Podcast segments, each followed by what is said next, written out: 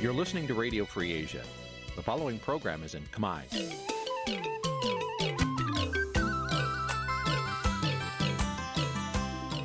នេះជាកម្មវិធីផ្សាយ Vuthu Azizi Serai នេះជាកម្មវិធីផ្សាយរបស់ Vuthu Azizi Serai ជាភាសាខ្មែរ Vuthu Azizi Serai សូមស្វាគមន៍លោកអ្នកនាងទាំងអស់ពីរដ្ឋធានី Washington នៃសហរដ្ឋអាមេរិក ជាប្រធានាធិបតី Washington នាងខ្ញុំម៉ៃសុធានីសូមជម្រាបសួរលោកអ្នកស្ដាប់ទាំងអស់ជាទីមេត្រីចាយើងខ្ញុំសូមជូនការផ្សាយសម្រាប់ព្រឹកថ្ងៃសុក្រ400ខែបុស្សឆ្នាំឆ្លូវត្រីស័កពុទ្ធសករាជ2565ហើយដល់ត្រូវនៅថ្ងៃទី21ខែមករាគ្រិស្តសករាជ2022ចាជាកិច្ចចាប់ផ្ដើមនេះនាងខ្ញុំសូមអញ្ជើញលោកអ្នកនាងកញ្ញាស្ដាប់ព័ត៌មានប្រចាំថ្ងៃដែលមានមេត្តាដូចតទៅ thank you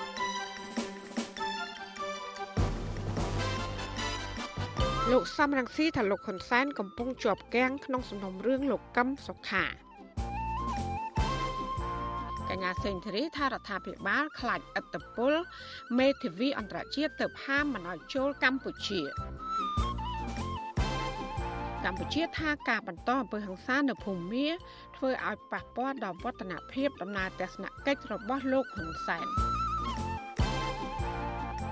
ជីវប្រវត្តិសង្ខេបរបស់សកម្មជនតវ៉ាដីធ្លីម្នាក់បន្តដង្ហៅរងយុត្តិធម៌នៅខេត្តកំពង់ឆ្នាំងរួមនឹងវត្តមានផ្សេងផ្សេងមួយចំនួនទៀតចាត់ជាបន្តទៅទៀតនេះនាងខ្ញុំម៉ៅសុធានីសូមជូនព័ត៌មានទាំងនោះពឺស្ដាប់ លោកអ្នកនាងជាទីមេត្រីប្រធានស្ដីទីគណៈបកសង្គ្រោះជាតិលោកសំរងស៊ីថាលោកនាយករដ្ឋមន្ត្រីហ៊ុនសែនកំពុងជាប់គាំងក្នុងរឿងក្តីក្តាំប្រធានគណៈបកប្រឆាំងនៅពេលដែលលោកកឹមសុខាបដិសេធមិនធ្វើតាមដំណើររឿងឬក៏សេណារីយ៉ូដែលមេដឹកនាំឯកបករូបនេះបានរៀបចំឲ្យ។ លោកសំរងស៊ីលើកឡើងបែបនេះនៅពេលដែលមេធាវីរដ្ឋាភិបាល បញ្ចេញព័ត៌មានថាតំណាងអัยការបានរំលឹកទៅលោកកឹមសុខា ថាបើលោកទទួលស្គាល់កំហុសនោះសំណុំរឿងនេះនឹងឆាប់ចប់ចាប់ពីរដ្ឋធានី Washington អ្នកស្រីសុជីវីរាយការណ៍ព័ត៌មាននេះលោកសំរងស៊ីសំអាងហេតុផលថាការដែលលោកកឹមសុខាច្រានចោលសេណារីយ៉ូយល់ព្រមទទួលកំហុសដែលគេបានរៀបចំសម្រាប់លោកនៅថ្ងៃសវនកម្មកាលពីថ្ងៃទី19ខែមករានោះ បានធ្វើឲ្យលោកហ៊ុនសែនជាប់គាំងនៅក្នុងសំណុំរឿងក្តីនេះលោកសំរងស៊ីបានសរសេរបែបនេះនៅលើទំព័រ Facebook របស់លោក កាលពីថ្ងៃទី20ខែមករាលោកបន្តថាភាពក្រឡាប់ចាក់ចុងក្រោយនៅក្នុងសំណុំរឿងក្តីនេះបណ្ដាលមកពីលោកកឹមសុខាបដិសេធមិនព្រមដើរតួនាទីដោយមាននៅក្នុងកំណត់ក្នុងសេណារីយ៉ូរៀបចំដោយលោកហ៊ុនសែនលោកបញ្ជាក់ថាតាមសេណារីយ៉ូនេះគឺតុលាការស្នើលោកកឹមសុខា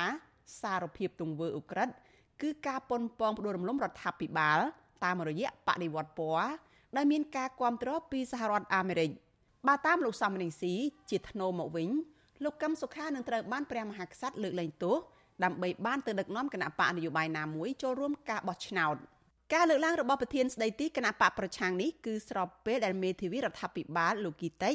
ទម្លាយព័ត៌មានប្រាប់វិទ្យុបារាំងអន្តរជាតិថាតំណាងអាយិកា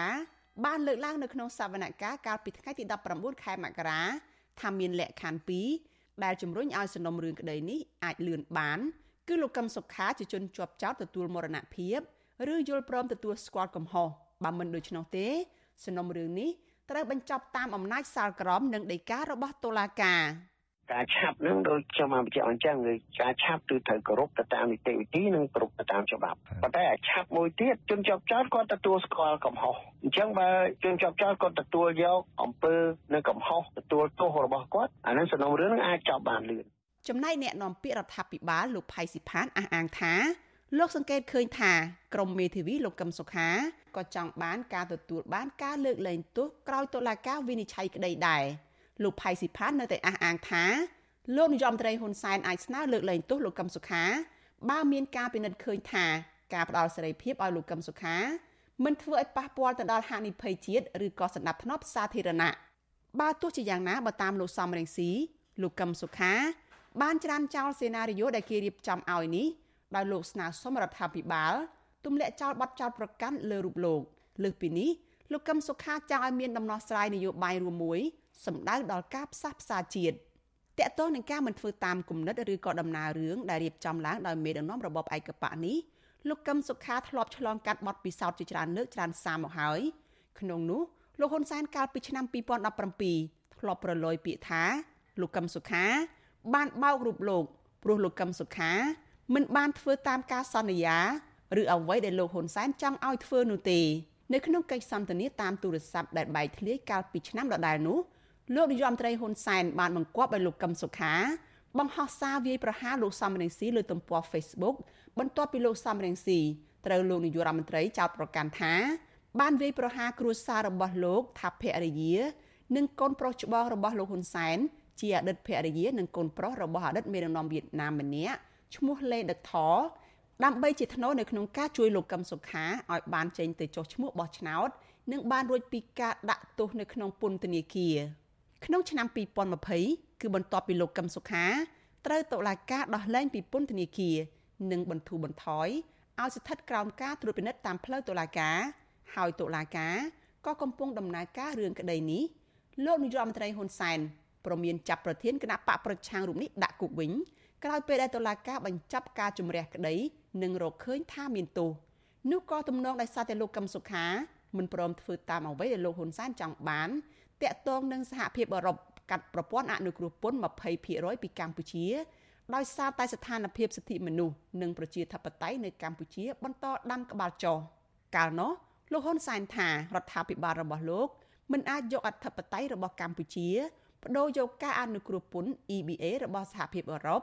ដើម្បីមិនកាត់ទោសប្រធានគណៈបកសង្គ្រោះជាតិលោកកឹមសុខាបានឡើយប្រធានគណៈបកសង្គ្រោះជាតិលោកកឹមសុខាត្រូវបានសមត្ថកិច្ចចាប់ខ្លួន ដោយចោទប្រកាន់ពីបទក្បត់ជាតិឬក៏ខុបខិតជាមួយសហរដ្ឋអាមេរិកដើម្បីផ្ដួលរំលំរដ្ឋាភិបាលកាលពីឆ្នាំ2017រយៈពេល4ឆ្នាំមកនេះតុលាការមិនទាន់រកឃើញថាលោកកឹមសុខា មានទោសឬគ្មានទោសនៅឡើយប៉ុន្តែតុលាការរំលាយគណៈបកសង្គ្រោះជាតិរួចហើយដែលធ្វើឲ្យគណៈបកនេះមិនអាចចូលរួមការបោះឆ្នោតនៅក្នុងឆ្នាំ2018កន្លងទៅលោកកឹមសុខារងចាំបន្តសវនកម្មឡើងវិញជិត2ឆ្នាំ ក្រោយតុលាការបានផ្អាកជាបន្តបន្ទាប់ដោយហេតុផលថាបង្ការជំងឺ Covid-19 យ៉ាងណាមិញសវនកម្មលោកកឹមសុខាកាលពីថ្ងៃទី19ខែមករាតុលាការប្រើពេលត្រឹមតែមួយព្រឹកសម្រាប់ការសួរដេញដោលហើយក៏លើកទៅសប្តាហ៍ក្រោយគឺនៅថ្ងៃទី25ខែមករាមេធាវីការពារក្តីឲ្យលោកកឹមសុខាមិនពេញចិត្តដែលតុលាការប្រើរយៈពេលយូរពន្យាពេលកាត់ក្តីរឿងលោកកឹមសុខានោះទេនាងខ្ញុំសុជីវី វិទ្យុអាស៊ីសេរីប្រធានាធិបតី Washington លោកអ្នកស្ដាប់ទទីមេត្រីពាក់ព័ន្ធនឹងសកម្មជនគណៈបកសង្គ្រោះជាតិនេះដែរសាលាដំបងរាជធានីភ្នំពេញបានបន្តបើកសវនាការរឿងក្តីសកម្មជនបកប្រឆាំងជាបន្តទៀត កាលពីព្រឹកថ្ងៃទី20ខែមករាម្សិលមិញដោយបន្តបង្ហាញភស្តុតាងជាវីដេអូឃ្លីបពាក់ព័ន្ធនឹងយុទ្ធនាការបង្កើតចលនាសង្គ្រោះជាតិដែលមានទំនាក់ទំនងជាមួយនឹងថ្នាក់ដឹកនាំគណៈបកនេះកាលពីឆ្នាំ2018ចានៅមុខតឡាការសមត្ថកិច្ចក៏បានបង្ក្រាបដោយហិង្សាទៅលើក្រុមស្ត្រីថ្ងៃសុកដែលបណ្ដាលឲ្យស្ត្រីម្នាក់រងរបួសធ្ងន់ក្នុងពេលដែលពួកគាត់នាំគ្នាតវ៉ាទាមទាររកយុត្តិធម៌ជូនដល់ជនជាប់ចោត។ ចាអ្នកស្រីសុជីវីមានសេចក្តីរាយការណ៍ដាច់តឡៃមួយទៀតជុំវិញព័ត៌មាននេះដូចតទៅសវនកម្មលើកទី9នេះមានជនជាប់ឃុំចំនួន13នាក់មានជាអាចលោកកៅថៃលោកសុនធុនលោកយឹមសារ៉េត និងលោកជុំច័ន្ទជាដើមដោយសមត្ថកិច្ចបានដឹកពួកគាត់តាមរថយន្តពីពន្ធនាគារព្រៃសរដើម្បីចូលរួមនៅក្នុងសវនកម្មចៅក្រមជំនុំជម្រះតុលាការក្រុងភ្នំពេញលោករស់ពិសិដ្ឋមិនបានសួរដេញដោលលើសកម្មជនទាំងនោះទេ ដោយបន្តចាក់វីដេអូឃ្លីបពាក់ព័ន្ធនឹងការបង្កើតចលនាសង្គ្រោះជាតិរបស់អ្នកគាំទ្រនិងថ្នាក់ដឹកនាំគណៈបកប្រឆាំងនៅសហរដ្ឋអាមេរិកកាលពីឆ្នាំ2018ប៉ុន្តែដោយសារតែភ័ស្តុតាងជាវីដេអូឃ្លីបនោះមានរយៈពេលវែងហើយពេលវេលាមានកំណត់ដូច្នេះចៅក្រមរស់ពិសិដ្ឋបានបិទបញ្ចប់សវនកម្មនៅម៉ោង7:12ថ្ងៃត្រង់តុលាការគ្រងនឹងបន្តសវនកម្មជាថ្មីទៀតនៅថ្ងៃទី27ខែមករាសប្តាហ៍ក្រោយ។ សមត្ថកិច្ចបានដឹកជនជាប់ចោតទៅពន្ធនាគារព្រៃសរវិញក្រោយចាប់សវនកម្មសកម្មជនទាំងនោះបានស្រែកពីក្នុងរថយន្តថាតុលាការធ្វើបែបនេះគឺបង្កើតភាពអយុត្តិធម៌ទៅលើពួកគាត់ជាខ្លាំងពីព្រោះពួកគាត់អះអាងថាមិនពាក់ព័ន្ធនឹងសកម្មភាពទាំងនោះឡើយមេធាវីការពារក្តីឲ្យសកម្មជនគណបកប្រឆាំងលោកសំសុគង្គនៅតែយល់ថាភ័ស្តុតាងជាវីដេអូឃ្លីបដែលតុលាការបានបង្ហាញជាបន្តបន្ទាប់នោះមិនមានទំនាក់ទំនងអ្វីជាមួយនឹងកូនក្តីរបស់លោកឡើយ។ លោកបញ្ជាក់ថាតុលាការចាក់វីដេអូឃ្លីបវែងបែបនេះធ្វើឲ្យប៉ះពាល់ទៅដល់សិទ្ធិរបស់ជនជាប់ចោតខ្ញុំគិតថាវាធ្វើឲ្យមានការអូសបន្លាយពេលវេលានៃសាវនាការហើយធ្វើឲ្យប៉ះពាល់ដល់សិទ្ធិប្រជាជនជាប់ចោតដែលទទួលបាននៅការជំនុំជម្រះឆាប់រហ័សនិងតទៅនឹងការទទួលបាននៅគេថាការកាត់សេចក្តីមួយហើយដឹងពីសេចក្តីសម្រេចរបស់តុលាការថាតើខ្លួនមានកំហុសអីហើយនឹងត្រូវបានកាត់របៀបមិនហើយនឹងត្រូវបានដោះលែងយ៉ាងដូចម្តេច លោកមេធាវីសំសុគង្គក៏បានជួបសួរសុខទុក្ខជនជាប់ចោតនៅក្រៅពេលដែលចាប់សវនកម្មដែរលោកឲ្យដឹងថាលោកកៅថៃនិងកូនក្តីមួយចំនួនទៀតធ្លាក់ខ្លួនឈឺហើយពួកគេ បន្តស្នើសុំឲ្យគ្រូពេទ្យរបស់អង្គការលីកាដូចូលព្យាបាលដល់ក្នុងពន្ធនាគារសវនកម្មនេះមានការចូលរួមក្លំមើលពីតំណាងទូតប្រទេសលោកសេរីជាច្រើននិងតំណាងអង្គការសហប្រជាជាតិទទួលបន្ទុកសិទ្ធិមនុស្សក្រុមអង្គការសង្គមស៊ីវិលនិងសាច់ញាតិរបស់ជនជាប់ចោតជាច្រើនអ្នក ចំណែកនៅខាងក្រៅរបងតុលាការវិញអាជ្ញាធរបានដាក់ពង្រាយកម្លាំងជាច្រើនអ្នកនិងបានបង្ក្រាបដោយហិង្សាទៅលើក្រុមស្ត្រីថ្ងៃសុកនិងអ្នកគាំទ្រដែលមានគ្នាជិត20នាក់បាននាំគ្នាតវ៉ាឲ្យតុលាការដោះលែងជនជាប់ឃុំនៅខាងមុខតុលាការនោះគ្រានោះកងសន្តិសុខនិងប៉ូលីសខណ្ឌ7មករាជាច្រើននាក់បានចាប់ទាញកញ្ឆក់ដៃលោកស្រីផានសាទបណ្ដាលឲ្យរបួសធ្ងន់ដោយដៃឆ្វេងគ្រិចហើមនិងឈឺចុកចាប់ដល់ហើយឈប់ជើងពួកគាត់នៅលេងលខាមទៅដល់ហើយបាទ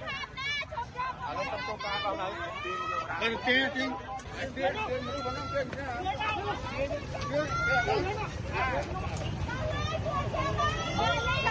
បាក់ពួកលោកខ្លាចស្មោលហ្នឹងទៅអស់លោកខ្លាចណាស់ស្មោលហ្នឹងស្ត្រីរងគ្រោះលោកស្រីផានសាទប្រាប់វិទ្យុអាស៊ីសេរីថាសមត្ថកិច្ចធ្វើបែបនេះជាការបំពានច្បាប់និងជាទង្វើអសិលធម៌មិនអាចទទួលយកបានឡើយ ពីព្រោះពួកលោកស្រីគ្រាន់តែលើកបដាតវ៉ាដោយសន្តិវិធីប៉ុណ្ណោះ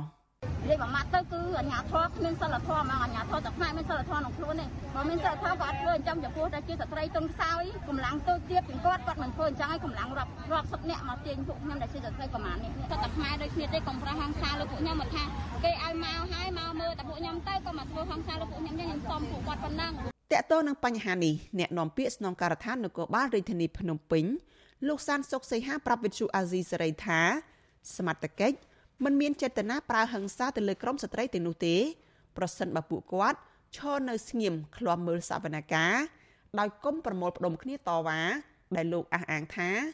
បានបង្កអនាធិបតេយ្យនៅក្នុងសង្គមនោះ។ ញ្ញាធរគេមានលក្ខណៈរបស់គេដែរអញ្ចឹងមានន័យថាគឺជាគោលបំណងចេតនាអាក្រក់មួយក្នុងការបង្ខូចមកលើសមត្ថកិច្ចទៅលើអាញាធរព្រោះអាញាធរយើងអនុវត្តការងារគឺរក្សាសន្តិសុខសម្រាប់សាធារណៈអញ្ចឹងមានន័យថាអ្វីខ្លះគឺពេលខ្លះគាត់ធ្វើគាត់ធ្វើក្នុងគោលបំណងហ្នឹងគឺគោលបំណងចង់បានតែរូបភាពចង់បានតែវីដេអូទេដើម្បីបង្ខូចកិត្តិយសរបស់អាញាធរជាក់ស្ដែងមិនមានអ្នកណាគេទៅវាយតបអីការងារហ្នឹងទេទោះជាយ៉ាងណាអ្នកខ្លំមើលសិទ្ធិមនុស្សយល់ថាការតវ៉ារបស់ក្រមស្ត្រីទាំងនោះ ជាការអនុវត្តសិទ្ធិមូលដ្ឋានដោយស្របច្បាប់អ្នកនាំពាក្យសមាគមការពារសិទ្ធិមនុស្សអាត6លោកសឹងសានករណាចាត់ទុកសកម្មភាពរបស់សមត្ថកិច្ចបែបនេះថាជាទង្វើខុសច្បាប់ពីព្រោះលោកថាការតវ៉ាដោយសន្តិវិធី ជាសិទ្ធិសេរីភាពរបស់ប្រជាពលរដ្ឋដោយស្របតាមរដ្ឋធម្មនុញ្ញ ជាធម្មតាអាជ្ញាធរដែលមានសមត្ថកិច្ចបើថាពួកគាត់ធ្វើឡើងដោយមិនត្រឹមត្រូវយើងធ្វើការសម្របសម្រួលឲ្យពួកគាត់មានការទៀមទាតវ៉ានៅទីតាំងណាមួយឲ្យច្បាស់លាស់ទៅប៉ុន្តែយើងភាគច្រើនគឺធ្វើឲ្យមានការបង្កឲ្យមានបញ្ហារវាងអ្នកទៀមទានឹងជាមួយនឹងជាពិសេសក្រមសន្តិសុខនឹងតែម្ដងអ្នកដែលមានទូនីតិអីទាំងអស់ហ្នឹងរឹតតែត្រូវផ្ដន់ទាទោសឲ្យមានស្ថានពង្រឹងទោសហ្នឹងលើពលរដ្ឋធម្មតាទៅទៀតព្រោះជាអ្នកដែលយល់ច្បាប់ហ្នឹងមិនអាចថាអ្នកអនុវត្តច្បាប់ហើយទៅប្រព្រឹត្តផ្ទុយពីច្បាប់អញ្ចឹងណាបាទចំណែកដំណើរការសវនកម្មវិញលោកសឹងសែនកោរណាយល់ថារឿងក្តីក្តាមនេះគឺជាការធ្វើទុកបុកម្នេញផ្នែកនយោបាយដោយភ្ជាប់សាច់រឿងរបស់ពួកគេមកចាត់វិធានការតាមផ្លូវតុលាការមន្ត្រីសង្គមស៊ីវិលរូបនេះចាត់ទុកថាតុលាការធ្វើបែបនេះនឹងមិនអាចផ្ដល់យុត្តិធម៌ដល់ជនជាប់ចោតទៅតាមច្បាប់បានទេព្រោះខ្វះឯករាជ្យភាព និងអព្យាក្រឹតដែលនឹងធ្វើឲ្យកម្ពុជាមានឈ្មោះកាន់តែអាក្រក់ នៅលើឆាកអន្តរជាតិប្រសិនបើតុលាការនៅតែបន្តសវនកម្មបែបនេះសាលាដំបងរាជធានីភ្នំពេញបានចោទប្រកាន់សកម្មជនបកប្រឆាំងចំនួន42នាក់ពីបទរួមគំនិតក្បត់និងញុះញង់ពាក់ព័ន្ធនឹងដំណើរមាតុភូមិនិវត្តរបស់លោកសំរងស៊ីកាលពីចុងឆ្នាំ2019តុលាការគ្រោងនឹងបញ្ចប់ការសួរដេញដោលសំណុំរឿងនេះនៅខែកុម្ភៈខាងមុខអង្គការសង្គមស៊ីវិលជាតិនិងអន្តរជាតិជាច្រើនស្ថាប័នចាត់ទុករឿងក្តីក្តាំនេះ ថាជាការធ្វើទុកបុកម្នេញផ្នែកនយោបាយនិងស្នើឲ្យតុលាការទម្លាក់ចោលការចោទប្រកាន់និងដោះលែងជនជាប់ឃុំទាំងនោះឲ្យមានសេរីភាពវិញដោយគ្មានលក្ខខណ្ឌនាងខ្ញុំសុជីវីវិទ្យុអាស៊ីសេរីពីរដ្ឋធានី Washington លោកដានៀងកញ្ញាកំពុងស្ដាប់ការផ្សាយរបស់វិទ្យុអាស៊ីសេរីផ្សាយចេញពីរដ្ឋធានី Washington អ្នកជំនាញច្បាប់កញ្ញាសេងធារីថារដ្ឋាភិបាល កំពុងភ័យខ្លាចអត្តពលមេធាវីអន្តរជាតិដែលខ្លំមើលសវនាការរឿងក្តីក្តាំរបស់កញ្ញានៅតុលាការទើបដាក់វិធានការរារាំងមេធាវីអន្តរជាតិគឺលោក Jared Genser មិនឲ្យចូលកម្ពុជាជារៀងរហូត។ កញ្ញាសេងធារីដែលមានសញ្ជាតិអាមេរិកផងនោះថាវាជារឿងមួយដែលគួរឲ្យភ្ញាក់ផ្អើលដែលអាញាធរដាក់លោកមេធាវី Jared Kinser ទៅក្នុងបញ្ជីខ្មៅដោយគ្រាន់តែលោកបានតែឃ្លាំមើលសវនកម្មនៅតុលាការនិងជជែកជាមួយអ្នកសារព័ត៌មានពាក់ព័ន្ធនឹងសំណុំរឿងរបស់កញ្ញា ពេលគាត់មានវត្តមាននៅកម្ពុជាគាត់ជាពួកម៉ាកធម្មតាហើយអ្វីដែលគាត់បានថ្លែងជាសាធារណៈជាការនិយាយជាការសម្ភាសធម្មតាអត់មានអង្គឆ្កងអ្វីសោះបានជាងនេះជាការឆ្លុះបង្ហាញអំពីភាពភ័យភ័យខ្លាចរបស់រដ្ឋាភិបាលរបស់របបផ្ដាច់ការនេះចំពោះ ភាពល្បីល្បាញរបស់លោក Jerry Genzer ដែលជាពួកម៉ាក់ស្និទ្ធស្នាលរបស់ខ្ញុំផងហើយនៃ TV អន្តរជាតិរបស់ខ្ញុំផងដែលមានឥទ្ធិពលខ្លាំងពីព្រោះគាត់មានវត្តមាននិងគាត់រស់នៅនៅ Washington DC គាត់មានបណ្ដាញស៊ីជម្រៅជាមួយអ្នកនយោបាយផងអ្នកល្បីល្បាញពីពេញពិភពលោក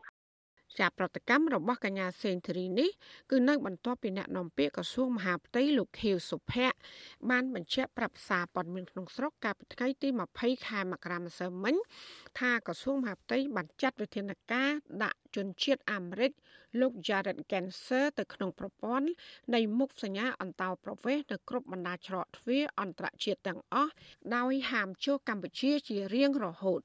លោកខៀវសុភ័ក្រថាវិធានការនេះគឺដោយសារតែលោក Jared Genser បំពេញដែនយុត្ថាធិការកម្ពុជាគម្រាមកំហែងដល់ឯករាជ្យភាពរបស់តុលាការហើយនឹងល្មើសច្បាប់ ស្ដីពីអន្តរប្រវេសន៍ដោយធ្វើសកម្មភាពខុសពីទឹកថាការទេសចរដែលបានស្នើសុំចាវជអសីស្រីនៅមិនទាន់អាចសុំការឆ្លើយតបរឿងនេះពីលោកមេធាវី Jared Genser បាននៅឡើយទេ កាលពីថ្ងៃទី20ខែមករាម្សិលមិញ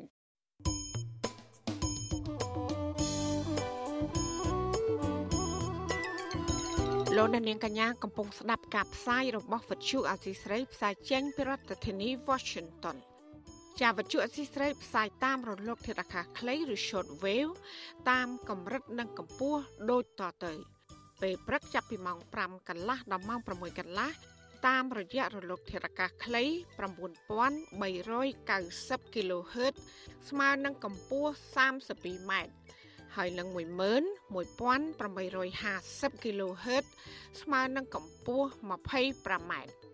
ចាសម្រាប់ពេលយប់វិញចាប់ពីម៉ោង7កន្លះដល់ម៉ោង8កន្លះគឺតាមរយៈរលកធាតុអាកាសខ្លី9390 kHz ស្មើនឹងកម្ពស់ 32m ហើយនឹង15155 kHz ស្មើនឹងកម្ពស់ 20m ចាសសូមអរគុណ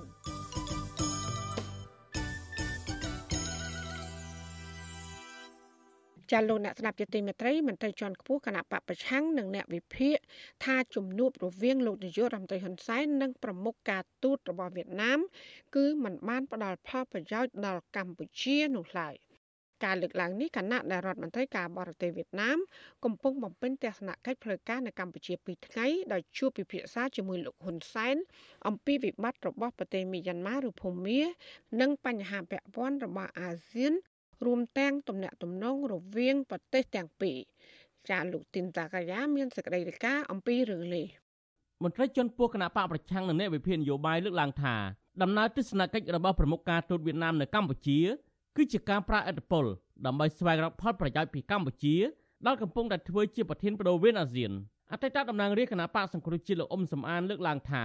ដំណើរទស្សនកិច្ចរបស់រដ្ឋមន្ត្រីការបរទេសវៀតណាមមកកម្ពុជានេះ មិនមែនគ្រាន់តែដើម្បីសរសើរនិងគាំទ្រលោកហ៊ុនសែនរឿងទៅប្រទេសមីយ៉ាន់ម៉ាប៉ុណ្ណោះទេប៉ុន្តែទំនងជាមកដាក់សម្ពាធកុំឲ្យកម្ពុជាលំអៀងទៅរកចិននិងផ្ដល់ភាពស្របច្បាប់ជូនជនអន្តោប្រវេសន៍វៀតណាមខុសច្បាប់នៅកម្ពុជាជាដើម វៀតណាមព្រួយបារម្ភជុំវិញបញ្ហាកម្ពុជាលំអៀងទៅខាងចិននោះហើយដែលបានជាវៀតណាមមកកម្ពុជាពេលនេះទោះបីប្រធានបតីវៀតណាមទៅមកហើយក៏ដោយរដ្ឋមន្ត្រីការបរទេសវៀតណាមមកមកបន្ថែមទៀតនឹងដើម្បីប្រាប់កម្ពុជាថាកុំលំអៀងទៅចិនខ្លាំងពេកពាក់ព័ន្ធបញ្ហាសមុទ្រចិនខាងត្បូងព្រោះវៀតណាមក៏ធ្លាប់ជួយកម្ពុជាកន្លងមកដែរហើយលោកហ៊ុនសែនហ្នឹងក៏វៀតណាមជួយលើកបន្តកន្លងមកដែរតាំងពីទសវត្សរ៍ទី80ម៉ែមួយទៀតអាចមកដើម្បីពន្លឿនការបោះបង្គោលព្រំដែនផងដែរនៅព្រោះវៀតណាមមកមិនដែលខានរឿងបញ្ហាព្រំដែនបញ្ហាទឹកដីហ្នឹងហើយមួយទៀតក៏ខ្ញុំយល់ថាវៀតណាមប្រកាសជារំលឹកឲ្យកម្ពុជាផ្ដល់ភាពស្រស់ច្បាប់ជួយទំនុកបំរុងដល់ជនជាតិវៀតណាមដែលរស់នៅខុសច្បាប់នៅកម្ពុជាការបញ្ចេញទស្សនៈបែបនេះរបស់មន្ត្រីបកប្រឆាំងច្រត់ពេលរដ្ឋមន្ត្រីការបរទេសវៀតណាមលោកបួយថាញ់សឿនមកធ្វើទស្សនកិច្ចនៅកម្ពុជា2ថ្ងៃចាប់ពីថ្ងៃទី19ដល់ថ្ងៃទី20មករាក្នុងដំណើរទស្សនកិច្ចនេះលោកបានជួបពិភាក្សាជាមួយលោកនាយករដ្ឋមន្ត្រីហ៊ុនសែន និងជួបមន្ត្រីកម្ពុជាកម្ពុជាកម្ពុជាជាច្រើនអ្នកទៀតរួមទាំងរដ្ឋមន្ត្រីការបរទេសកម្ពុជាលោកប្រាក់សុខុនជាដើមរដ្ឋមន្ត្រីប្រតិភូអមនាយករដ្ឋមន្ត្រីលោកកៅកំហួនថ្លែងប្រាប់ក្រុមអ្នកសារព័ត៌មានថាក្នុងជំនួបជាមួយលោកហ៊ុនសែនប្រមុខការទូតវៀតណាមបានលើកសរសើរលោកហ៊ុនសែនរឿងទៅមីយ៉ាន់ម៉ាថាជាកិច្ចការដ៏មានតម្លៃព្រមទាំងគាំទ្រចំពោះកិច្ចខិតខំប្រឹងប្រែងរបស់កម្ពុជាក្នុងនាមជាប្រធានអាស៊ានក្រៅពីនេះភាគីទាំងពីរបានបដិញ្ញាបន្តរក្សាសន្តិភាពតាមព្រំដែនពង្រឹងទំនាក់ទំនងនិងកិច្ចសហប្រតិបត្តិការ ព្រមទាំងបង្កើនការតភ្ជាប់សេដ្ឋកិច្ចពាណិជ្ជកម្មជាមួយគ្នាបន្ថែមទៀតផងទោះជាយ៉ាងណានៃវិភាគនយោបាយដែលកំពុងតែភៀសខ្លួននៅប្រទេសហ្វាំងឡង់លោកកឹមសុខយល់ថាដំណើរទស្សនកិច្ចនេះមិនបានផ្ដល់ផលប្រយោជន៍អ្វីជាដំកំភួនដល់កម្ពុជានោះទេគ្រាន់តែវៀតណាមមកជួយលើកមុខមាត់លោកហ៊ុនសែនដែលកំពុងតែរងការរិះគន់ពីរឿងទៅមីយ៉ាន់ម៉ាតែប៉ុណ្ណោះលោកជឿថាក្នុងជំនួបជាមួយក្រុមមេដឹកនាំនៅកម្ពុជានោះប្រមុខការទូតវៀតណាមប្រកាសជាលើកឡើងពីរឿងចំហរបស់កម្ពុជា ក្នុងចំនួនសមុទ្រចិនខាងត្បូងព្រមទាំងផ្ដល់យោបល់ឲ្យកម្ពុជាចេះសម្របខ្លួនដើម្បីគម្រាំងស្ទះដល់ដំណើរការកិច្ចប្រជុំអាស៊ាន។ ហើយរឿងដែលសំបំផុតវៀតណាមបារម្ភថាអាស៊ាននិងអាមេរិកហ្នឹងមិនអាចប្រជុំបានណាវាខូចទៅដល់គម្រោងនៃផលប្រយោជន៍ដ៏ធំរបស់វៀតណាមទាំងផលប្រយោជន៍ពីកិច្ចសហប្រតិបត្តិការអាស៊ានអាមេរិកនិងផលប្រយោជន៍ផ្ទាល់រវាងអាមេរិកនិងវៀតណាមដែលវៀតណាមធ្វើគ្រោងនឹងដាក់គម្រោងច្រើនណាស់ជាមួយសហរដ្ឋអាមេរិកនៅពេលដែលមានកិច្ចប្រជុំអាមេរិកនិងអាស៊ានតាក់ទងទៅនឹងកម្ពុជានិងវៀតណាមផ្ទាល់វិញខ្ញុំឃើញរឿងពីរដែលវៀតណាមប្រឹងជំរុញទី1គឺការផ្ដល់នៅឯកសារស្របច្បាប់ដល់ជនជាតិវៀតណាមដែលរស់នៅលើទឹកដីកម្ពុជារាប់សែនអ្នកហ្នឹងហើយនៅការពន្លឿនការពិវត្តតំបន់ត្រីកោណដែលកម្ពុជាមានខេត្ត4ក្រចេះស្ទឹងត្រែងមណ្ឌលគិរីរតនគិរីកន្លងមកដំណើរទស្សនកិច្ចរបស់លោកហ៊ុនសែនជាឯកតោភាគីទៅប្រទេសមីយ៉ាន់ម៉ាបណ្ដាលឲ្យមានការរិះគន់ពីប្រទេសជាសមាជិកអាស៊ានសំខាន់សំខាន់មួយចំនួនដូចជាសង្ហបុរីនិងម៉ាឡេស៊ីជាដើមប៉ុន្តែទទួលបានការគាំទ្រពីប្រទេសកុម្មុយនីសមួយចំនួនដូចជាប្រទេសចិននិងវៀតណាមជាដើម អ្វីដែលសមាជិកអាស៊ានមួយចំនួនរិះគន់នោះពីព្រោះតែលោកហ៊ុនសែនព្យាយាមទទួលស្គាល់របបសឹកភូមានិងចង់ឲ្យមេដឹកនាំយោធាភូមាចូលរួមកិច្ចប្រជុំអាស៊ានខណៈដែលរបបសឹកភូមាមិនបានអនុវត្តតាមកិច្ចព្រមព្រៀងរួម5ចំណុចរបស់អាស៊ានដោយនៅតែបន្តបាញ់ប្រហារនិងកាប់សម្លាប់ប្រជាជនភូមា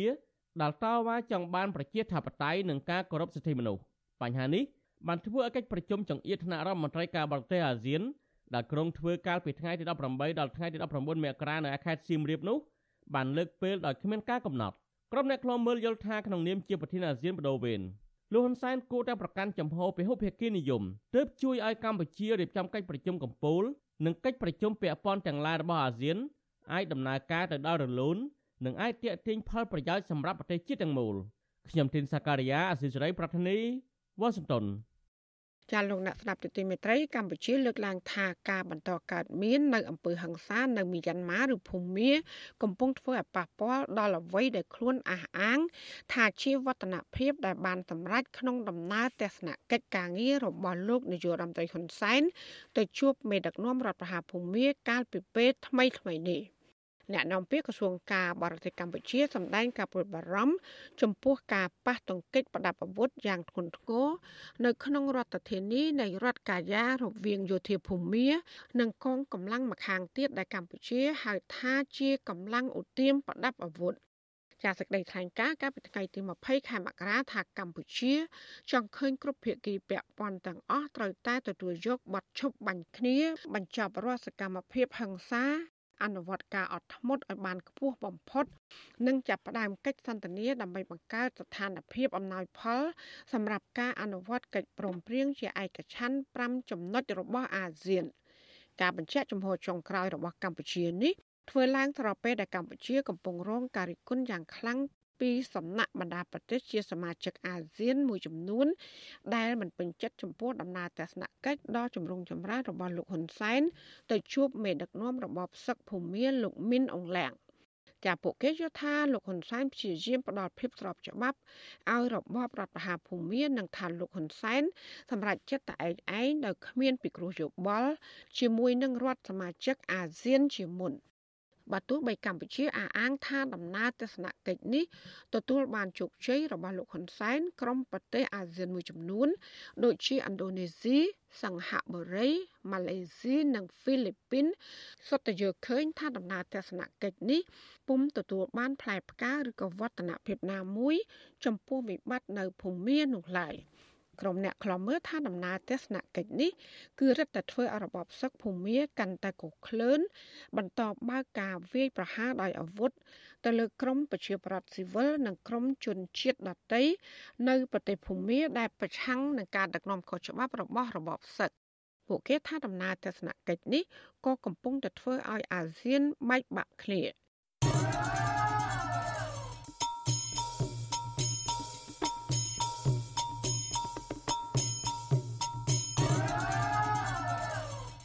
ចាលោកនានីជាទីមេត្រីដែលឡែកក្រុមកម្មករ Nagawal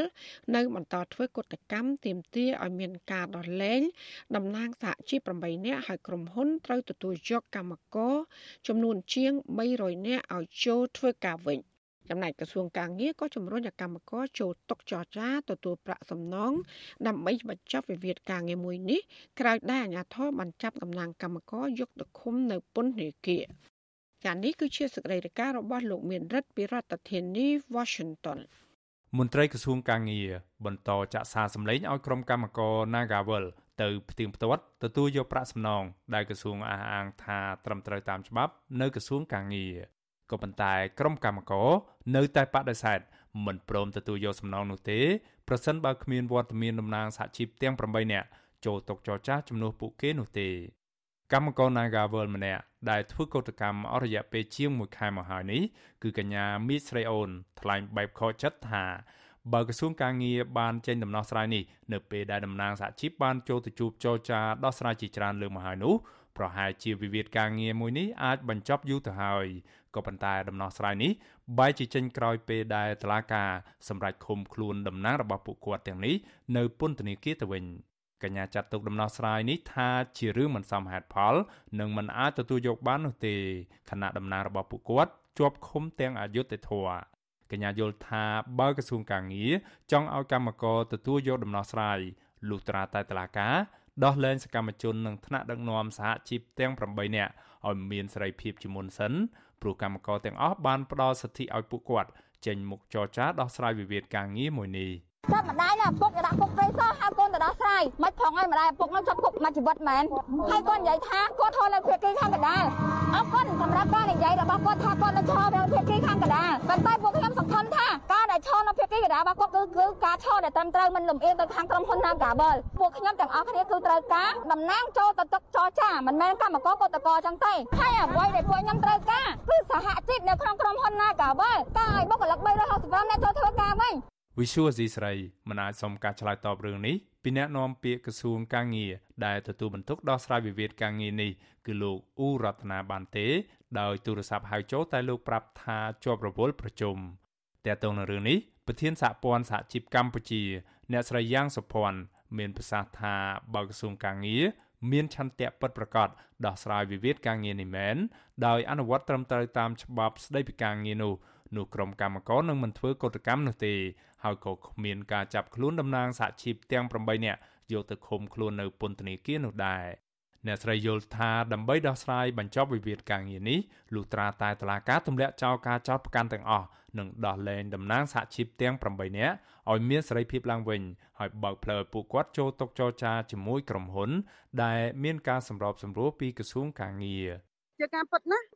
តែមានការដោះលែងក្រុមតំណាងពួកគាត់សិនអញ្ចឹងណាទើបយើងឲ្យមានការចរចាបន្ទាប់ពីនឹងបានអញ្ចឹងណាហើយបើសិនណាគ្មានការដោះលែងទេហើយបន្ទាប់មកយើងទៅចរចាយើងសួរថាចរចាអីបើតំណាងរបស់ពួកគេត្រូវបានគេចាប់បាត់ហើយណាហើយទៅចរចាអីអញ្ចឹងណា ក្រុមកោតក្រកាស៊ីណូ Nagawal ឲ្យដឹងថាអាជ្ញាធរបានដាក់កាមេរ៉ាជាច្រើនគ្រឿងនៅតាមបង្គោលភ្លើង និងដាក់បញ្ឈរលើដី ដើម្បីថតសកម្មភាពធ្វើកោតកម្មរបស់ពួកគាត់ខណៈចំនួនកម្លាំងសមត្ថកិច្ចដែរនៅបន្តឃ្លាំមើលនៅទីតាំងនោះតិចជាងសពដងកម្មករបញ្ជាក់ថាកម្លាំងសមត្ថកិច្ចស្លៀកពាក់ស៊ីវិលនៅតែបន្តតាមដានពួកគាត់ជារៀងរាល់ថ្ងៃដើម្បីបំភ័យបំបាក់ស្មារតីឲ្យឈប់ប្រមូលផ្ដុំគ្នាតវ៉ាតទៅទៀត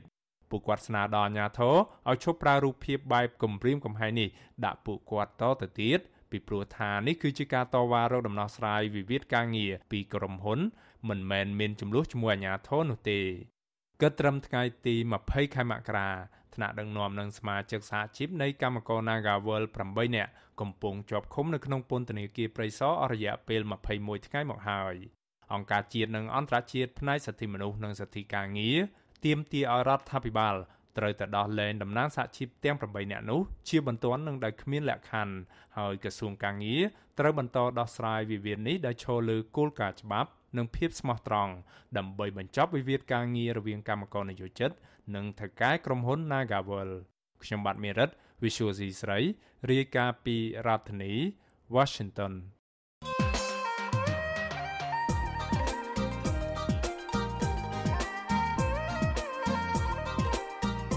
លោកនាងជាទីមេត្រីថ្ងៃទី22ខែមករាស្អែកនេះគឺជាខួប18ឆ្នាំនៃឃាតកម្មលើមេដឹកនាំសហជីពកម្មករដែលល្បីឈ្មោះគឺលោកជាវិជា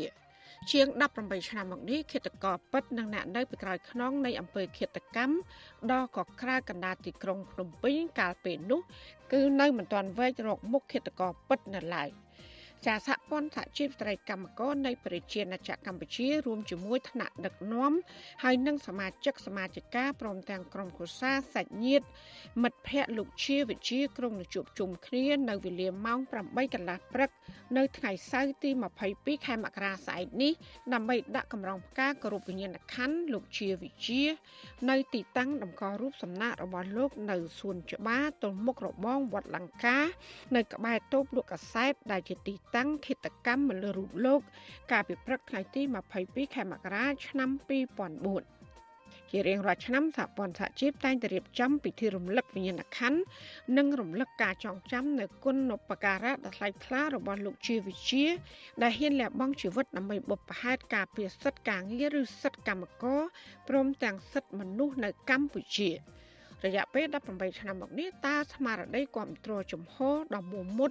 របស់លោកជាវិជាពីសំណាក់មេដឹកនាំកម្មករចំនួនក្រោយនេះហើយនឹងសកម្មភាពតវ៉ារបស់ក្រុមកម្មករដើម្បីការពារផលប្រយោជន៍និងសិទ្ធិរបស់ពួកគេនៅតែរឹងមាំដល់ដែរឬក៏យ៉ាងណាសូមលោកអ្នកនាងកញ្ញារងចាំស្ដាប់និងទស្សនានេតិវេទិកាអ្នកស្ដាប់វិទ្យុអាស៊ីសេរី ដែលនឹងជជែកអំពីបញ្ហានេះនៅយប់ថ្ងៃសុក្រនេះកំបីអខាន លោកដានាងអាចសាកសួរវាគ្មិនរបស់យើងឬក៏បញ្ចេញមតិយោបល់សូមលោកដានាងដាក់លេខទូរស័ព្ទនៅក្នុងខ្ទង់ comment Facebook ឬ YouTube របស់វិទ្យុអសីស្រី ដែលកំពុងផ្សាយផ្ទាល់នៅពេលនេះក្រុមការងាររបស់យើងនឹងតាក់ទងទៅលោកដានាងវិញចាសសូមអរគុណ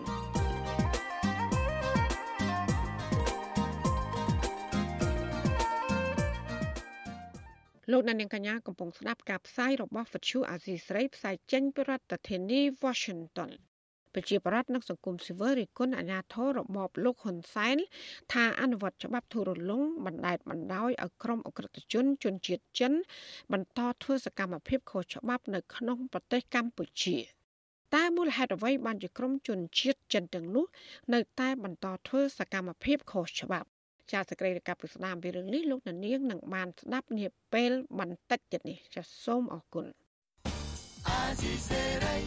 ចាលោកនាងជាទីមេត្រីកម្ពុជាមានគម្រោងពង្រីកកសិដ្ឋាន ផលិតអគ្គិសនី ដោយធម្មពលពន្លឺព្រះអាទិត្យដ៏ធំមួយ ដែលមានសមត្ថភាព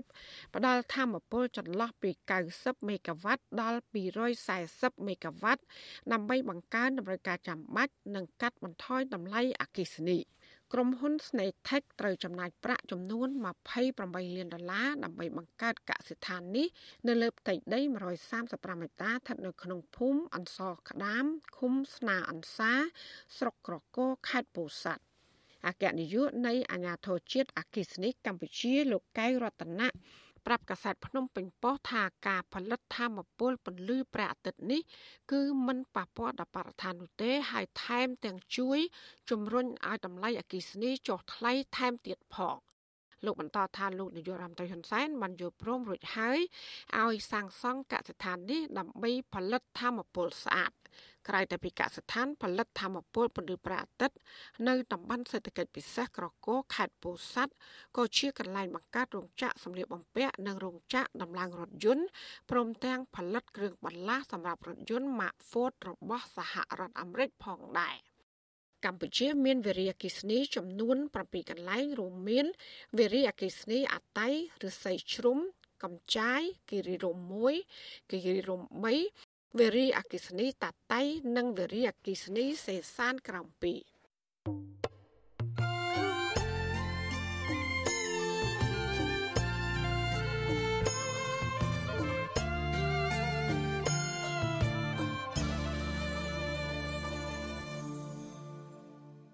ចាលោកនាយកជាទីមេត្រីប្រជាប្រដ្ឋនិងសង្គមស៊ីវិលរិះគន់អាញាធររបបលោកហ៊ុនសែនថាអនុវត្តច្បាប់ធូររលុង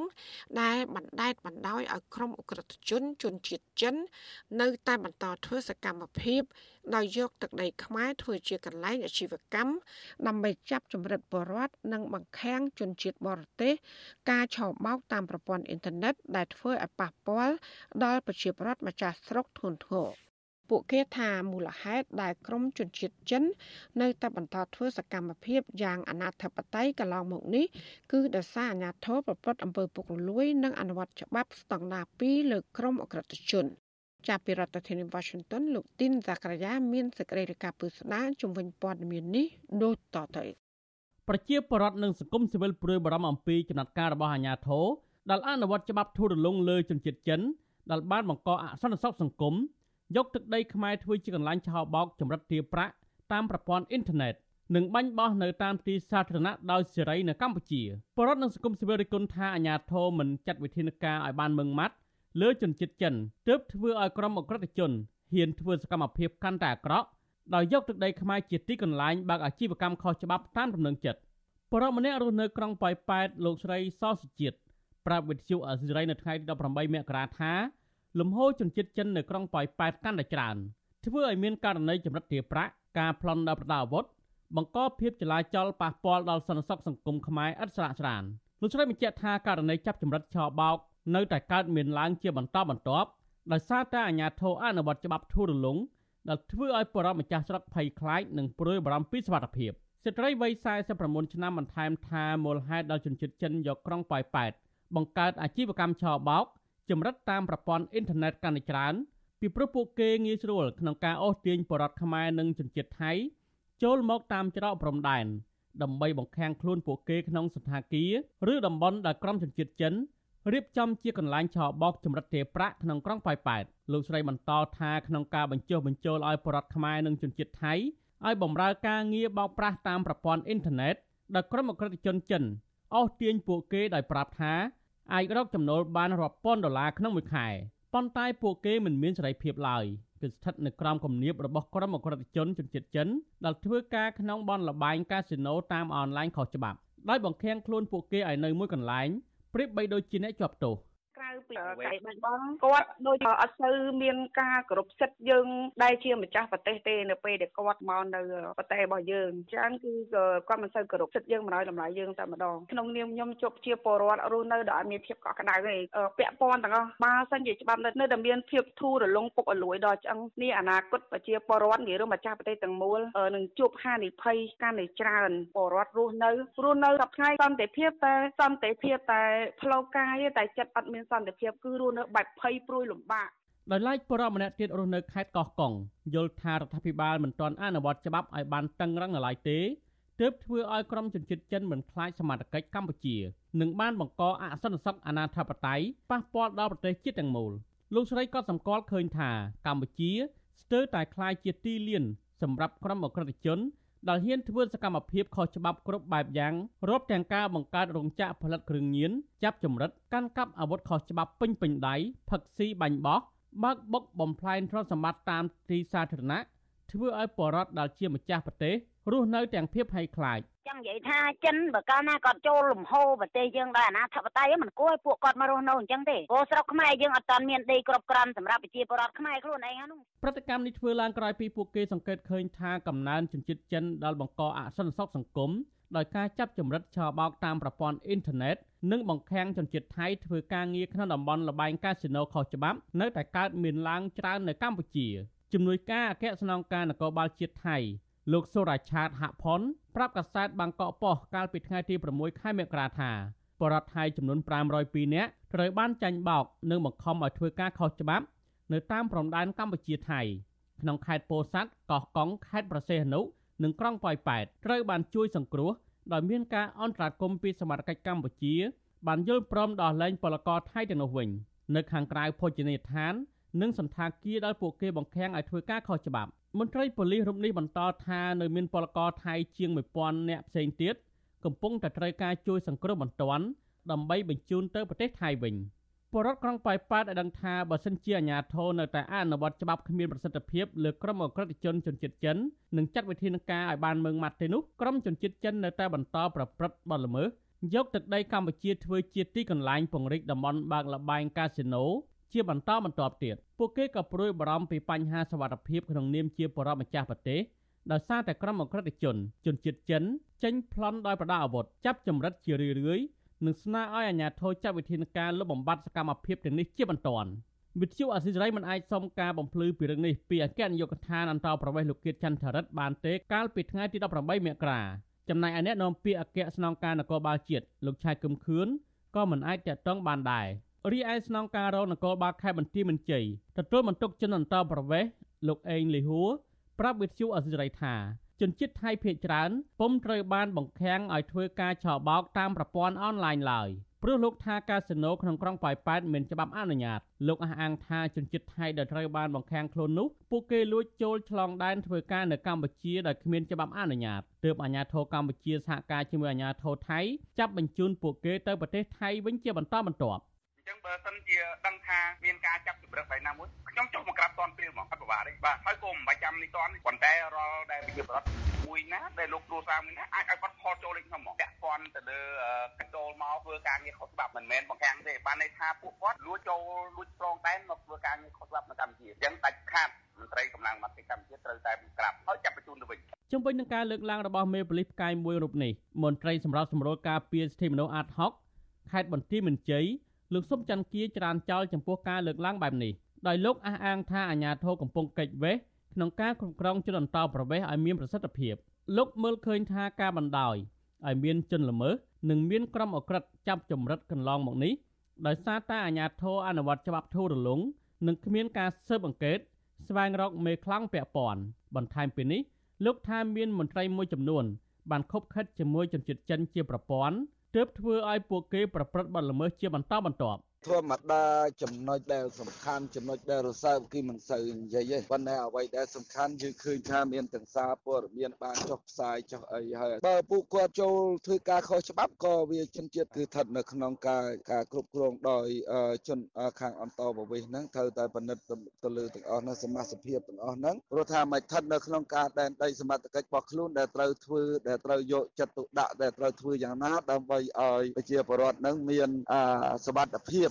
ជាមួយគ្នានេះប្រធានមជ្ឈមណ្ឌលប្រជាពលរដ្ឋដើម្បីអភិវឌ្ឍនិងសន្តិភាពលោកយ៉ុងកំឯងយល់ថាអញ្ញាធិគោមានវិធានការឲ្យបានតឹងរឹងនិងតាមដានអាជីវកម្មបនលបែងកាស៊ីណូមួយចំនួនជៀសវាងមានបទល្មើសខុសច្បាប់ដូចជាចាប់ចម្រិតឆបោកតាមប្រព័ន្ធអ៊ីនធឺណិតជាដើម។ បាញ់បោះណាមួយដែលដែលបង្កឡើងដោយជនជាតិចិនគឺវាជាឥទ្ធិពលអាក្រក់ណាស់បាទមិនមែនតែក្នុងស្រុកវា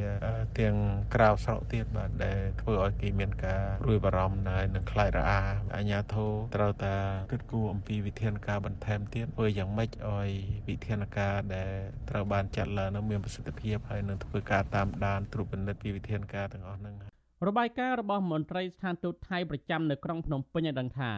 ចាប់តាំងពីខែមករាដល់ខែកញ្ញាឆ្នាំ2021កន្លងទៅ មានជនជាតិថៃជិត100នាក់ហើយ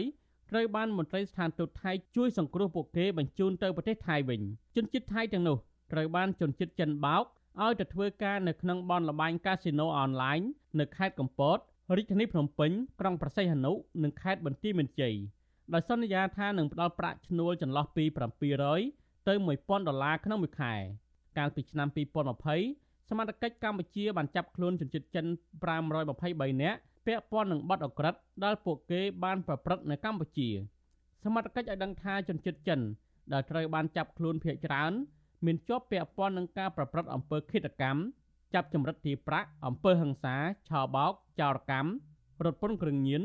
និងការប្រើប្រាស់អាវុធខុសច្បាប់ជាដើមខ្ញុំធីនសាការីយ៉ាអស៊ីសេរីប្រធានីវ៉ាស៊ីនតោន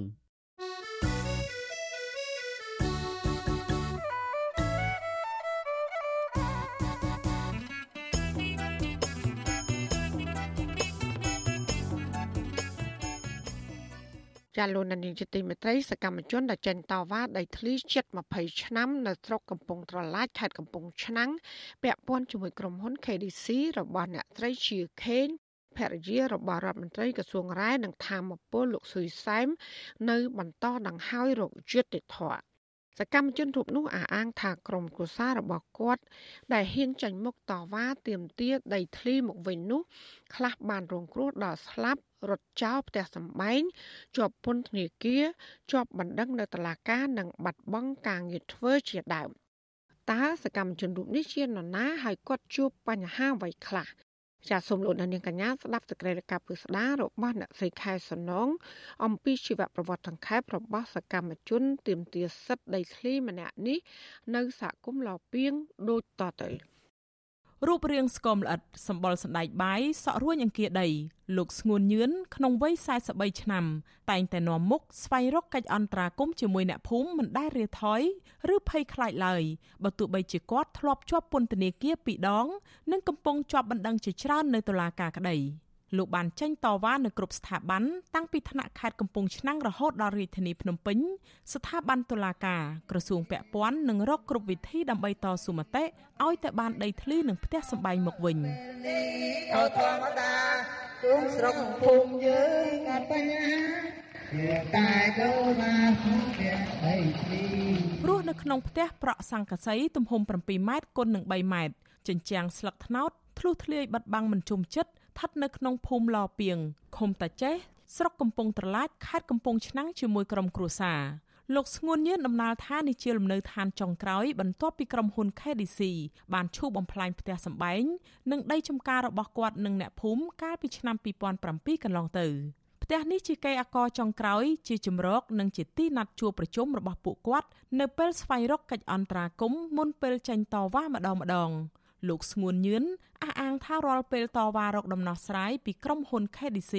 ពលរដ្ឋមានតែដៃទទេ ចំណែកខាងក្រុមហ៊ុនមានសុទ្ធតែកម្លាំងសន្តិសុខប៉ូលីសទាហានខែលដំបងឆក់និងអាវុធគ្រប់ដៃលោករំលឹកថានៅគ្រាមួយក្នុងឆ្នាំ2014គឺជាព្រឹត្តិការណ៍ដែលលោកចងចាំមិនភ្លេចលោកថាពេលនោះលោកស្ទើរតែអស់ជីវិតទៅហើយដោយសារកម្លាំងសមត្ថកិច្ចចោមរោមវាយធ្វើបាបលោកមុនចាប់បញ្ជូនខ្លួនទៅឃុំនៅពន្ធនាគារខេត្តកំពង់ឆ្នាំង។ ខ្លួនខ្ញុំបើប៉ុណ្ណឹងទេប៉ុន្តែប៉ូលីស4នាក់តាមឲ្យខ្ញុំមកដួលអាបើជើងកវែងគឺបើជើងក្រាស់ក្រាស់ណាពីរនាក់ជន់កខ្ញុំតែម្ដងជាមួយទៅក្នុងដីខ្សាច់ព្រោះតែខ្ញុំអោបដៃជាប់ចាប់ទាញដៃខ្ញុំចេញប៉ុន្តែទាញអត់ចេញយកជើងវាជន់ក្បាលខ្ញុំមួយជន់កខ្ញុំមួយបើនៅពេលហ្នឹងខ្ញុំគិតថាបើសិនណាខ្ញុំមិនប្រឹងងើបក្បាលទេគឺខ្ញុំស្លាប់ហើយខ្ញុំដកដង្ហើមលេរួចហើយបើពេលហ្នឹងខ្ញុំថាខ្ញុំសល់តែបន្តិចទេខ្ញុំដាច់ខ្យល់ស្លាប់ហើយដកជើងវាវិញទៅខំប្រឹងប្រឹងរើទៅនៅរបូតដៃហ្នឹងចេញទៅបើវាលែងជើងពីកយើងហ្នឹង យកដៃយើងដាក់ខ្នោះហើយគឺទៅនៅអត់ដល់វិធីផងបានន័យថាជីវិតរបស់ខ្ញុំត្រូវជាមួយនឹងដីខ្សាច់យ៉ាងឆ្លាប់អត់ហើយលោកដំណាលថាកាលនោះអ្នកភូមិដែលមានទាំងមនុស្សចាស់និងកូនក្មេងបាននាំគ្នាធ្វើដំណើរថ្មើរជើង ទៅដាក់ញត្តិចេញពីសហគមន៍ឆ្ពោះទៅខុទ្ទកាល័យលោកនាយករដ្ឋមន្ត្រីហ៊ុនសែនដើម្បីស្វែងរកកិច្ចអន្តរាគមន៍ដោះលែងតំណាងពលរដ្ឋ2នាក់ករណីក្រុមហ៊ុនដុតបំផ្លាញផ្ទះពលរដ្ឋ14ខ្នង និងធ្វើរបងព័ទ្ធរំលោភដីធ្លីរបស់អ្នកភូមិ ពេលនោះលោកបានជាប់ពន្ធនាគារជាលើកទី2បន្ទាប់ពីសមត្ថកិច្ចចាប់ខ្លួនពីបទធ្វើឲ្យខូចខាតដោយចេតនារារាំងមន្ត្រីរាជការសាធារណៈនិងបង្កើតតំបន់អបគមខ្ញុំអត់យល់ពីអបគមណាតើតែមានអាវុធមានកភ្លើង ការពារនៅក្នុងព្រៃវាមកស៊ូវាមកស៊ូខ្ញុំហ្នឹងអាហ្នឹងអាវុធខ្ញុំអាចពីកស៊ូសោះតែបនអាបគុំលូស្នាលូស្នាយតិចតួយហ្នឹងថាឯងនឹងបនអាបគុំណាឯគេទៅតែកំភ្លើងហើយគេទៅតែកំភ្លើងមកទៅកំភ្លើងកំប្លែកប្លែកទៅតែពលីនឹងទៅហ៊ាននឹងណែនគាត់ទៅហ៊ានពលីខែឡើងពេញទាំងអស់ហើយខ្ញុំហើយមានតែតែពីមកស៊ូទៅបាញ់ខែឡើងមុតអីតែគេថាកំភ្លើងហ្នឹងហើយចោតខ្ញុំអាគុំចោតចឹងវាអត់ទំនងអីបន្តិចសោះខ្ញុំអត់យល់ការចោតប្រកាន់របស់តុលាការការចាប់ខ្លួនលោកស្ងួនញឿននៅពេលនោះបាននាំឲ្យអ្នកភូមិចេញតវ៉ាយ៉ាងផុសផុលតុលាការបានឃុំខ្លួនលោកជាងមួយខែហើយក៏ដោះលែងមកវិញប៉ុន្តែដាក់ឲ្យស្ថិតនៅក្រោមការឃ្លាំមើលរបស់សមត្ថកិច្ចលោកស្ងួនញឿនជាកសិករបានចាប់ដៃរស់នៅជាមួយលោកស្រីអ៊ុំសុភីជាអតីតគ្រូបង្រៀនកាលពីឆ្នាំ2005ពួកគាត់មានកូនប្រុសស្រីចំនួន4នាក់ប្តីប្រពន្ធទាំងពីរនាក់មានដីចំនួន2ហិកតាដែលម្ដាយចែកគេឲ្យក្នុងភូមិឡពីងដើម្បីដាំដំណាំនិងធ្វើស្រែចម្ការ លោកស្ងួនញឿនឲ្យដឹងថាដើមចំនៃបញ្ហាដីធ្លីនេះបានចាប់ផ្ដើមកើតមានតាំងពីឆ្នាំ1996មកម្លេះពលគឺដំបូងមានឈ្មោះម្នាក់ឈ្មោះថៃហ៊ីចុះទៅទិញដីពីអ្នកភូមិប៉ុន្តែម្ដាយរបស់លោកមិនលក់ឲ្យនោះទេ10ឆ្នាំក្រោយ គឺនៅឆ្នាំ2006ទើបអ្នកភូមិបានដឹងថាលោកថៃហ៊ីគឺជាតំណាងក្រុមហ៊ុន KDC របស់អ្នកស្រីជាខេងភរិយារដ្ឋមន្ត្រីក្រសួងរាយនឹងធម្មពលលោកសុយសែម លោកថាពេលនោះវិវាទដីធ្លីកាន់តែផលផុសព្រោះក្រុមហ៊ុនបានប្រើគ្រប់វិធីធ្វើបាបពលរដ្ឋឲ្យតែបានដីនៅទីនោះក្រុមហ៊ុនបានឈូសឆាយផ្ទះសម្បែងស្រែចម្ការអ្នកភូមិនាំឲ្យពលរដ្ឋងើបឡើងប្រឆាំងតវ៉ាក៏ឈានដល់ការចាប់ពលរដ្ឋដាក់គុកនិងបង្ករបួសស្នាមនៅពេលតវ៉ាជាដើម កាលពីឆ្នាំ2006លោកបានជាប់ពន្ធនាគារជាលើកទី1ពីបទបំផ្លិចបំផ្លាញទ្រព្យសម្បត្តិអ្នកដទៃដែលពេលនោះក្រុមហ៊ុន KLC និងសន្តិសុខការពារដីឲ្យក្រុមហ៊ុនបានប្តឹងប៉ុន្តែដោយសារលោកឈឺធ្ងន់ក្នុងពន្ធនាគារលោកបានជាប់ឃុំជាងមួយសប្តាហ៍ប៉ុណ្ណោះប្រពន្ធរបស់លោកបានរកលុយ30ម៉ឺនរៀលទៅដំកល់នៅតុលាការសុំនៅក្រៅឃុំបណ្ដោះអាសន្ន តកតងនឹងសកម្មភាពតវ៉ាទាមទារដីធ្លីនេះលោកស្ងួនញឿនបានដឹងខ្លួនរួចជាស្រេចថាពលរដ្ឋដែលសកម្មនឹងជៀសមិនផុតពីការប្តឹងផ្តល់តាមផ្លូវតុលាការនោះឡើយប៉ុន្តែលោកជឿថាទោះបីបណ្ដឹងទាំងនោះស្ថិតនៅក្នុងរូបភាពណាក៏ដោយឬបទចោទណាក៏ដោយគឺសុទ្ធតែជាវិធីធ្វើទុកបុកម្នេញបំផិតបំភ័យគំរាមកំហែងលើពលរដ្ឋកុំឲ្យងើបឡើងតវ៉ារកយុត្តិធម៌ លោកថាក្រុមគ្រួសាររបស់លោកបានជាប់បណ្ដឹងច្រើនជាងគេដែលក្រុមហ៊ុន KDC និងសន្តិសុខយាមដីឲ្យក្រុមហ៊ុននេះរួមទាំងពលរដ្ឋភូមិផ្សេងប្តឹងពួកគាត់ឡើងតុលាការ ខ្លួនជាម្ចាស់ដីត្រូវជាប់គុកទៅពីទៅគេថាចោលរួចខ្លួនណាម្ចាស់ជាប់គុកចឹងណាចំពោះខ្ញុំវាអាចយុត្តិធម៌មែនតើនៅរងឯនោះមិនមែនស្ពាយតែប៉ុណ្ណឹងទេស្ពាយទុកលំបាកច្រើនជាងនឹងទៀតមិនត្រឹមតែខ្លួនឯងទេបើន័យថាប្រពន្ធក៏គេប្តឹង3 4រឿងខ្លួនខ្ញុំហ្នឹងក៏ត្រូវគេប្តឹង3 4រឿងប្អូនខ្ញុំរាជសីមាហ្នឹងក៏គេប្តឹង3 4រឿងហើយម្ដាយខ្ញុំក៏ត្រូវជាប់គុកបងស្រីខ្ញុំក៏ត្រូវគេសម្លាប់ហើយគេវាអាចយុត្តិធម៌មែនទេហើយដីត្រូវគេយកអស់វាវិជ្ជនីប៉ុន្មានពីពួកខ្ញុំហើយវាអាចយុត្តិធម៌ណារងថ្ងៃនោះបើសិនតែគិតថាព្រោះទាំងពិបាកតាមផ្លូវកាយផ្លូវចិត្តហ្នឹងគឺពិបាកមែនទែនក្នុងរឿងវិវាទដីធ្លីនេះម្ដាយលោកស្ងួនញឿនគឺលោកស្រីអ៊ុនទុំវ័យជិត70ឆ្នាំ កាលពីឆ្នាំ2007បានជាប់ពន្ធនាគារជិត2ឆ្នាំពីបទរំលោភបំពានដីមានកម្មសិទ្ធិដោយអះអាងថាអាញាធរបង្ខំឲ្យលោកស្រីផ្តិតមេដាយទទួលយកដីពីក្រុមហ៊ុនកន្លះហិកតា ជាថ្នូរនឹងដីរបស់គាត់12ហិកតា តែគាត់មិនព្រម បងស្រីលោកស្ងួនញឿនគឺលោកស្រីកៅសុខឿនជាតំណាងពលរដ្ឋបានគ្រោះថ្នាក់ចរាចរណ៍ស្លាប់បន្ទាប់ពីទៅតវ៉ាទាមទារដោះលែងម្ដាយដែលកំពុងជាប់ឃុំនៅពន្ធនាគារលោកស្ងួនញឿនអះអាងថា អ្នកជិះរថយន្តបុកបងស្រីលោកគឺជាសាច់ញាតិរបស់អតីតមេប៉ូលីសប៉ុស្តិ៍ឃុំតាចេះម្នាក់ដែលធ្លាប់មានទំនាស់ពាក្យសម្ដីក្នុងរឿងតវ៉ាដីធ្លីនេះជាមួយបងស្រីគាត់ លោកថាគ្រាន់តែបងស្រីលោកគ្រោះថ្នាក់ភ្លាមលោកថៃហ៊ីដែលជាតំណាងក្រុមហ៊ុនបានចុះទៅដល់កន្លែងកើតហេតុភ្លាមដែលករណីគ្រោះថ្នាក់ចរាចរណ៍នេះហាក់ដូចជាមានគម្រោងរៀបចំទុកចំណែកប្អូនប្រុសលោកស្ងួនញឿន គឺលោកញឹមញែនហៅរាជសីមា ជាសកម្មជនការពារបឹងធម្មជាតិមិនឲ្យក្រុមហ៊ុនលុបបឹងនេះក៏កំពុងជាប់ពន្ធនាគារដែរកាលពីចុងខែវិច្ឆិកាឆ្នាំ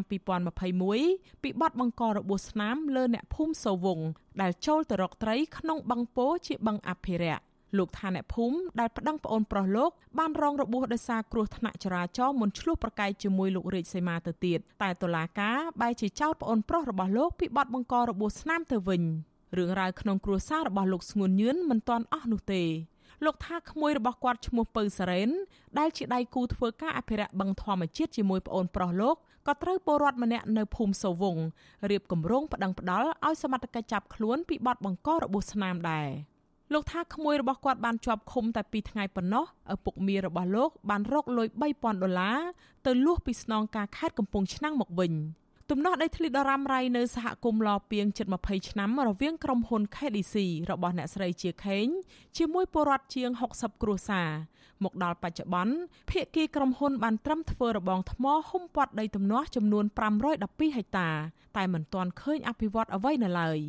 ឯអ្នកភូមិអស់ផ្ទះសម្បែងបាត់បង់មុខរបរជីវភាពក្រីក្រ និងស្ពាយសំពាយបណ្ដឹងជាច្រើនអ្នកទោះពលរដ្ឋខ្លះបានស្លាប់ទៅហើយក្តី តែសំណុំរឿងនិងបណ្ដឹងក្នុងដៃតុលាការនៅតែមានជីវិតនៅឡើយ។ តឡាការចេញទៅការក៏ហៅខ្ញុំ3នាក់បើនេះហៅលោកពលសនតែគាត់ស្លាប់ហើយហ្នឹងទីទីម៉ាហងខ្ញុំហ្នឹងទៅពេលពលសនគាត់អត់ទៅគាត់គាត់ស្លាប់ហើយគាត់ហៅខ្មោចគាត់អត់ទៅទៅតឡាការកាត់ទុកខ្មោចឲ្យបងលុយ40លានហ្នឹងចឹងតឡាការអត់ដឹងថាគាត់ស្លាប់ទេបើតឡាការអត់ដឹងហ្នឹងយ៉ាងទៅបាទតឡាការកាត់ទុកខ្មោចឲ្យបងលុយ40លានដែរហ្នឹងអញ្ចឹងមានន័យថាអត់ធ្វើការស៊ើបអង្កេតទេបានអត់ដឹងថាចុងចោតនឹងគាត់ស្លាប់អីហើយថ្នាក់ហៅខ្មោចទៅកាត់ក្តីអីទៀតអូតឡាការនៅកំពង់ឆ្នាំងនេះតាំងពីកាត់ក្តីមកគ្មានតែចុះមកស៊ើបអង្កេតរឿងកន្លែងនេះទេអត់តែបន្តិចមកកាត់ទៅតាមតែក្រុមហ៊ុនតែក្រុមហ៊ុនវិជាទេឬខ្ញុំប្តឹងទាំងប្រមាណគឺជូឆាយផ្ទះក៏តឡាការមិនចាត់ការឬខ្ញុំប្តឹងមកធ្វើលបងធ្វើអីនៅលើដីហ្នឹងក៏មិនដែរតឡាការយកទៅរឿងនឹងទៅចាត់ការដែរសង្កល់ទុកឲ្យចាត់ការរហូតនិយាយត្រង់បើសិនតែក្រុមហ៊ុនតែមកខ្វាច់គឺហ្មងគាត់ថាខ្មោចវាកាត់ទោសដែរតឡាការហ្នឹង ចាប់តាំងពីឆ្នាំ2014មកពលរដ្ឋក្នុងសហគមន៍លពីងទាំងមូលរួមទាំងគ្រួសារលោកស្ងួនញឿនផងមិនអាចចូលទៅបង្កបង្កើនផលលើដីទំនាស់បានទៀតទេ ពួកគាត់ដើររើសខ្យងឆ្លោះកង្កែបជិះជន្លេនលក់នៅពេលយប់ដើម្បីដោះស្រាយជីវភាពប្រចាំថ្ងៃហើយនៅតាមក្រុមហ៊ុនសហគ្រាសឬរោងចក្រក៏រើសអើងមិនហ៊ានទទួលយកអ្នកភូមិធ្វើការឡើយព្រោះមានឈ្មោះថាជាអ្នកតវ៉ាដីធ្លី ប្រពន្ធលោកស្ងួនញឿនគឺលោកស្រីអ៊ុំសុភី ជាអតីតគ្រូបង្រៀននៅបឋមសិក្សាសូវងនិងជាសមាជិកសមាគមគ្រូបង្រៀនកម្ពុជាឯករាជ្យលោកស្រីអះអាងថាដោយសារតែសកម្មភាពចេញតវ៉ាដីធ្លីនេះលោកស្រីត្រូវនាយកសាលានិងមន្ត្រីការិយាល័យអប់រំស្រុកកំពង់ត្រឡាចព្រមានជាច្រើនដង ហើយចុងក្រោយលោកស្រីត្រូវបានគេកាត់ឈ្មោះចេញពីក្របខ័ណ្ឌគ្រូបង្រៀន កាលពីឆ្នាំ2009ក្រុមហ៊ុននេះបានប្តឹងគាត់ពីបទញុះញង់ទៅតុលាការព្រោះមានពលរដ្ឋចូលទៅធ្វើស្រែលើដីទំនាស់ជាមួយគ្នានេះលោកស្រីអះអាងថាមានបុគ្គលិកក្រុមហ៊ុន KDC គម្រាមកំហែងដល់អាយុជីវិតលោកស្រីតាមទូរស័ព្ទឲ្យឈប់ធ្វើការតវ៉ាលោកស្រីថាគ្រានោះគឺជាពេលវេលាមួយដ៏លំបាកបំផុតសម្រាប់គ្រួសារលោកស្រី ដែលបាត់បង់ទីជម្រកជីវភាពដុនដាបគ្មានសុវត្ថិភាព និងរស់នៅដោយការភ័យខ្លាច ក្រុមគ្រួសារលោកស្រីបានសម្រេចចិត្តភៀសខ្លួនទៅរស់នៅប្រទេសថៃដើម្បីសុវត្ថិភាពអស់ជិត2ឆ្នាំប៉ុន្តែនៅចុងឆ្នាំ2011លោកស្រីនិងគ្រួសារបានចាញ់បោកមេខ្យល់លក់កម្លាំងពលកម្មគ្មានបានប្រាក់មួយរៀលហើយត្រូវអាជ្ញាធរថៃចាប់ខ្លួនទៀតប្រាក់ក៏បង់ថង់ក៏ដាច់ពួកគាត់បានត្រឡប់មកភូមិវិញពេលនោះលោកស្រីត្រូវជន់មិនស្គាល់មុខគំរាមតាមទូរស័ព្ទម្ដងទៀតហើយលើកទី3មានជនមិនស្គាល់មុខសរសេរលើក្រដាស់គូសរូបកំភ្លើងដាក់នៅមុខផ្ទះ ឲ្យលោកស្រីឈប់តវ៉ាតទៅទៀតមិនយូរប៉ុន្មាននៅក្នុងឆ្នាំ2014តុលាការបានសើរើសំណុំរឿងញុះញង់ឲ្យលោកស្រីចូលខ្លួនម្ដងទៀតលោកស្រីឲ្យដឹងថាសំណុំរឿងនេះសាលាដំបងរាជធានីភ្នំពេញមិនបានបញ្ចប់នោះទេកាលពីខែមិថុនាឆ្នាំ2021តុលាការបានកាត់ទោសកម្បាំងមុខលោកស្រីពីបទញុះញង់តាមបណ្ដឹងរបស់ក្រុមហ៊ុន KDC ឲ្យលោកស្រីជាប់ពន្ធនាគារ1ឆ្នាំ និងពិន័យលុយ1លានរៀល លោកស្រីអំពាវនាវរដ្ឋាភិបាលចុះស្រាវជ្រាវនិងស៊ើបអង្កេតរឿងនេះផ្ដល់យុត្តិធម៌ដល់ពលរដ្ឋវិញ។ ពួកខ្ញុំចង់បានដីធ្វើស្រែដូចគេខ្ញុំអត់ចង់ឡើយម្លាមរស់នៅវេទនាដីក៏គ្មានផ្ទះក៏គ្មាននៅជីវភាពអត់មានអីផ្សាឡើងទេហើយណាមួយកូនរៀនទៅមុខមិនដឹងជាអនាគតពួកគាត់រៀនបានដល់ថ្នាក់ទីប្រមាណបងពេលបច្ចុប្បន្ននេះម្ដាយឪពុកវាគ្មានការងារធ្វើផងបើយ៉ាប់តាំងពីឥឡូវទៅហើយអញ្ចឹងខ្ញុំសង្ឃឹមថារដ្ឋាភិបាលនឹងលឺសម្លេងរបស់ពួកខ្ញុំពីអូនីវឲ្យដល់ចៃរឿងដីធ្លីឲ្យពួកខ្ញុំវិញមកខ្ញុំអត់ចង់បានអីចង់បានតែដីធ្លីរបស់ពួកខ្ញុំត្រឡប់មកវិញទេចង់បានតែភាពយុត្តិធម៌សម្រាប់ពួកខ្ញុំថ្មីបើពន្លឺយុត្តិធម៌របស់ក្រុមគ្រួសារសកម្មជនដីធ្លីសហគមន៍ឡពីងហាក់នៅឆ្ងាយដោយជើងមេឃប្តីប្រពន្ធលោកស្ងួនញឿនថាមិនចោះចាញ់នោះទេពួកគាត់បដិញ្ញាថានឹងបន្តស្វែងរកដំណោះស្រាយរហូតបានផ្ទះសម្បែងនិងដីធ្លីស្រែចម្ការមកវិញពួកគាត់ត្រឹមចង់ឃើញកូនមានអនាគតសហគមន៍មានសិទ្ធិរស់នៅលើដីធ្លីរបស់ខ្លួនដោយសុវត្ថិភាពហើយតុលាការទម្លាក់ចោលការចោទប្រកាន់លើពួកគាត់ទាំងស្រុង។ ចានាងខ្ញុំខែសុណងវັດឈូអាស៊ីសេរីរាយការណ៍ពីរដ្ឋធានី Washington